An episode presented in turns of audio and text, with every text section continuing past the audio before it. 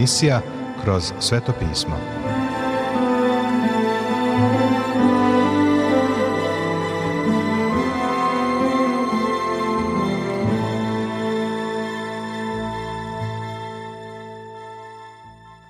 Dobroveče, poštovani slušaoci i dobrodošli u još jednu emisiju programa Kroz sveto pismo, programa koji je za vas napisao Vernon McGee, a pročitao Branko Bjelajac. Želimo vam prijetno i blagoslovljeno slušanje.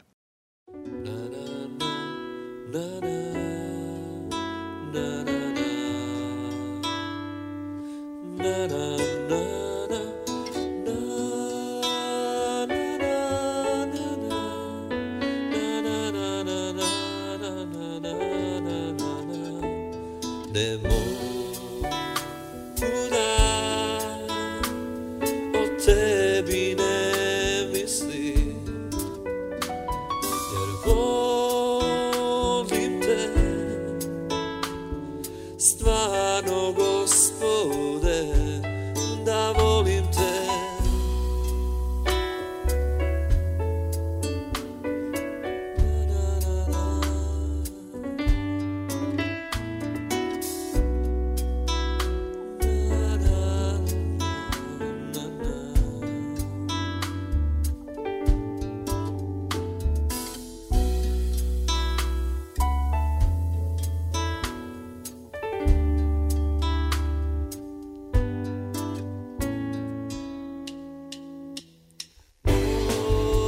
serce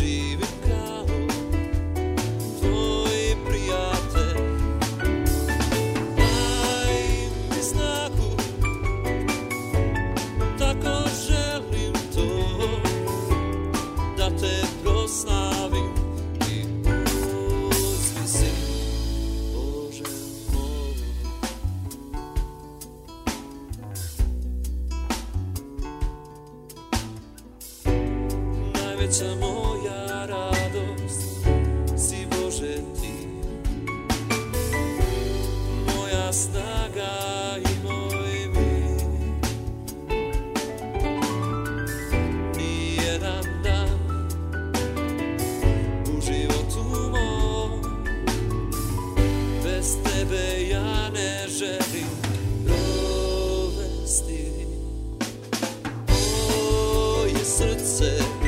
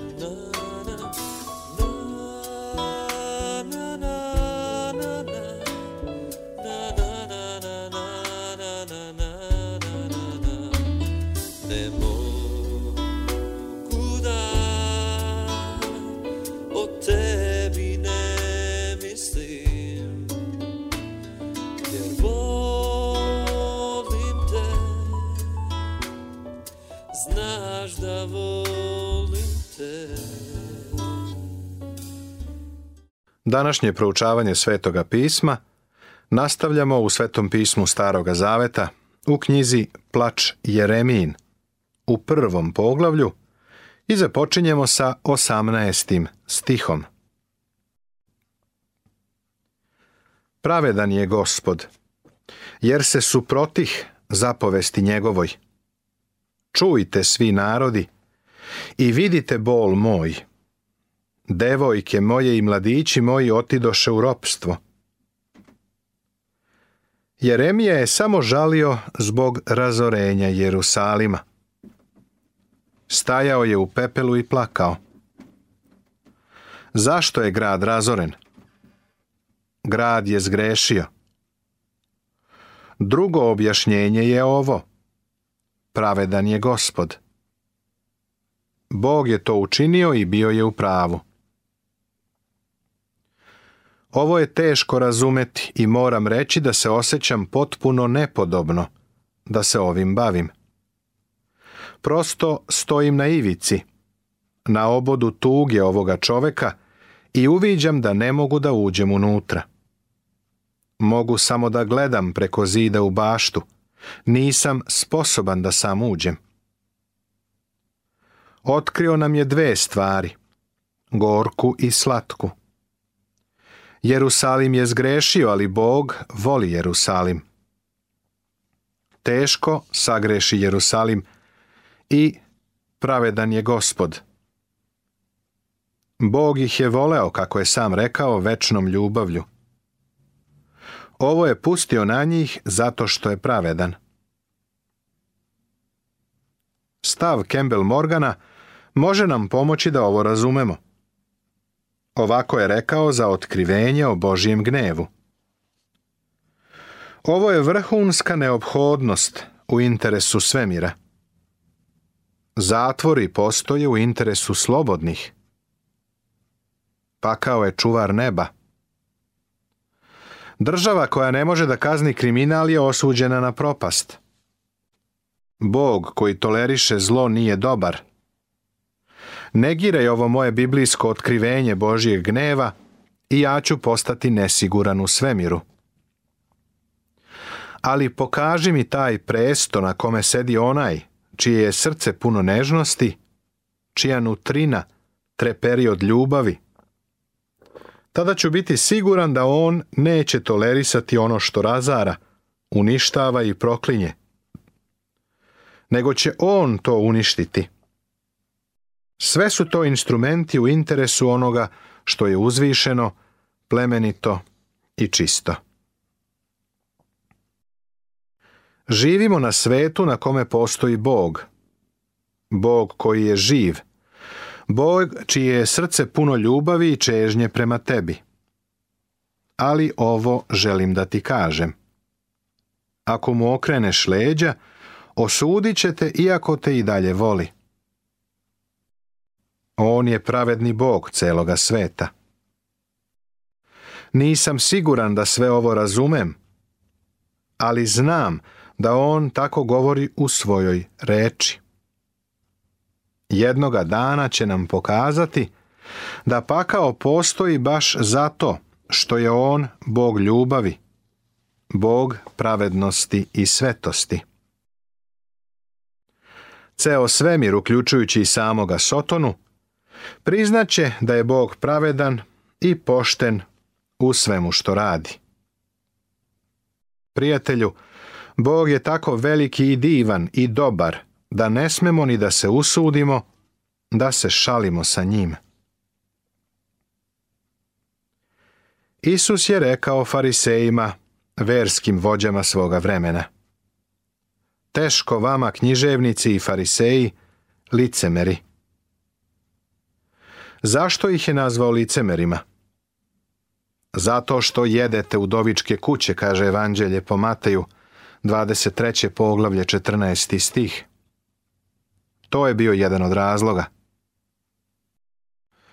Prijatelju, ako tvoje hrišćanstvo ne utiče na tvoje srce, na tvoj život u kući, na tvoj posao, na tvoj društveni život, onda si ti licemer. Ne kažem to ja, on to kaže, on to kaže, dragi moj. On je plakao nad tim ljudima. Moje oči su suve, ali su njegove pune suza radi tebe i mene danas. O prijatelju, ne okreći leđa Bogu koji te voli ovoliko. To će se zaista tragično završiti za tebe. Bog čini ono što čini zato što je pravedan. Ali ne može da zatvara oči pred zlom. Kada su mu njegova deca neposlušna, Bog mora da ih disciplinuje. Čak i ako to njemu samom lomi srce. Jeremija nam otkriva Božije srce. Kada plače Jeremija, plače Bog. Kada Jeremija tuguje, tuguje Bog. Kada ne razumemo šta se dešava, važno je da se pouzdamo u saznanje da je Bog pravedan u svemu što radi. Iako mu je to slomilo srce, on je pravedno postupio kada je dozvolio da se Jerusalim razori, a narod odvede u ropstvo. Jeremija vapi. Želi da zna zašto, a Bog ga uverava da je pravedan i ispravan u svemu tome što čini Jerusalimu. Još jedno tegobno pitanje koje Jeremija ima jeste sljedeće. Zar vam nije stalo, svi koji prolazite ovudastih 12? Drugim rečima, koliko su se ljudi za sve to interesovali. Da li ih je bilo briga? Čovek ne želi da prihvati činjenicu da se Bog gnevi na greh. Umesto toga, ističu da je jedino vredna istina da je Bog ljubav. Slažem se sa tim da je Bog ljubav, a crkva zaista treba da nauči Božiju ljubav da primeni u životu. Često u tome ne uspevamo, ali mi se čini da je baš to dovelo do prenaglašavanja Božije ljubavi u našoj generaciji. Bog je pravedan, Bog je svet i ispravan u svemu što radi. Ostaje pitanje. Šta misliš o svom grehu i Božijem gnevu prema njemu? da li on za tebe ništa ne znači? Jeremija je seo i plakao nad gradom. Nije još mnogo drugih plakalo sa njim. U psalmu 137. piše da su porovljeni ljudi koji su bili odvedeni u Vavilon sedeli i plakali sećajući se Siona. Plakali su za osvetom, a mislim da su imali savršeno pravo na to. Međutim, da li je tu bilo i malo pravog pokajanja?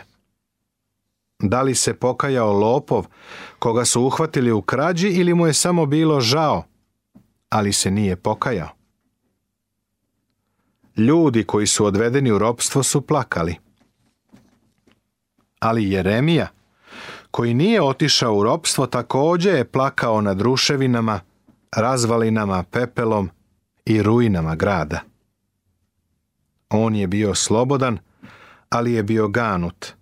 Saosećao je i brinuo. Ponovo bih želeo da se pozovem na verske programe koje u našem vremenu imamo na televiziji ovde u Americi. Često su umiveni – izglancani i profesionalni u prezentaciji. Mislim da je to zasluga crkve što je učinila nešto u profesionalnom smislu, to je dobro i ispravno. Ali me brine to što ne čujem jednu reč, reč greh. Njihova poruka uopšte ne ističe da je Bog pravedan i da mora da kazni greh. Devičansko rođenje, Hristovo božanstvo, njegova smrt i vaskrsenje, sve to je važno. Ali ostaje pitanje zašto je umro. To je pitanje postavljeno u psalmu 22. u prvom stihu. Bože moj, Bože moj, zašto si me ostavio? Ovo je naš gospod rekao dok je bio na krstu. Odgovor na ovo isto pitanje nalazimo u istom psalmu. Sveti koji živiš u pohvalama Izraelovim, kaže psalam 22. treći stih. On je svet, on je pravedan. Hristos je umro na tom krstu, jer smo ti i ja grešnici, grešnici osuđeni na propast. Pogledaj na krst danas. Zar vam nije stalo svi koji prolazite ovuda? kaže stih 12. On nije morao da umre. Pretrpeo je više nego i jedan čovek. Bog ga je napustio, a tebe neće napustiti nikada za tvoga života. Da li ovo za tebe nije ništa? Prijatelju, zar vam nije stalo svi koji prolazite ovuda? Da li si došao Hristu samo da bi dobio novu ličnost? Ili da bi to u tvoju dušu unelo malo mira? Ili da bi donelo malo ljubavi na tvom oltaru? Je li to razlog zbog kojeg je Hristos umro na krstu? Hoćeš li da me saslušaš, prijatelju? On je umro na krstu da bi te spasao od pakla. Sveti duh je došao na svet da nam otkrije Hrista kao spasitelja. Došao je da ubedi svet u greh. U kakav greh? pistvo, krađu. Da, ali i u nešto gore. Što ne veruju u mene, kaže Evanđelje po Jovanu, 16. poglavlje 9. stih. Bog je imao rešenje za lopova. Lopov na krstu se spasao. Mislim da je apostol Pavle bio kriv za ubistvo, da je bio jedan od odgovornih za Stefanovu smrt. Mojsije je također bio ubica. Bog je imao rješenje za ubicu, lopova, lažljivca, ali Bog nema leg za čoveka koji odbacuje gospoda Isusa Hrista. Ovo je najveći greh koji možeš počiniti. Odbacivanje Hrista je pre stanje nego čin. Nikada ne počiniš delo odbacivanja Hrista, nego postepeno dolaziš u stanje u kome Hristos i ono što je On za tebe učinio gube smisao. Jerusalim je dostigao to stanje. Tada je Bog rekao Jeremiji Ne uznemiravaj se zbog toga što te ne slušaju. Da se Mojsije, Ilija i Samuilo mole za njih, ne bih ih uslišio. Prekasno je, prešli su granicu. Danas je mnogo ljudi koji žive u ovom iskvarenom vremenu, a koji su prešli tu granicu. Ne možemo da prosudimo kada je čovek dostigao tačku u kojoj potpuno odbacuje Hrista. Video sam mnoga obraćenja ljudi koje bih inače smatrao potpuno beznadežnim slučajevima – jedan čovek koga sam poznavao, a koji je živeo u San Francisku u Americi, bio je narkoman i osuđen za nekoliko kriminalnih dela. On se divno i iskreno obratio. Ni ja ni ti ne smemo reći da je neko prešao onu liniju, mada se to dešava. Jerusalim je odbacio Boga. Pojedinci su odbacili Boga. Šta Isus za tebe znači? Šta za tebe znači njegova smrt? Zar vam nije stalo, svi koji prolazite ovuda, pita stih 12. Poglavlje drugo Tema Tužbalica druga Gospod postakao neprijatelj. Potre Izrael – potre sve dvore njegove, raskopa sve gradove njegove i umnoži kćeri judinoj žalost i jad. Bog je preuzeo potpunu odgovornost za ono što je Navuhodonosor uradio. Bog mu je dozvolio da uništi Jerusalim. Upotrebio ga je kao palicu ili kao štap, baš kao što je upotrebio i Asirce – protiv Izraela kada ga je kaznio.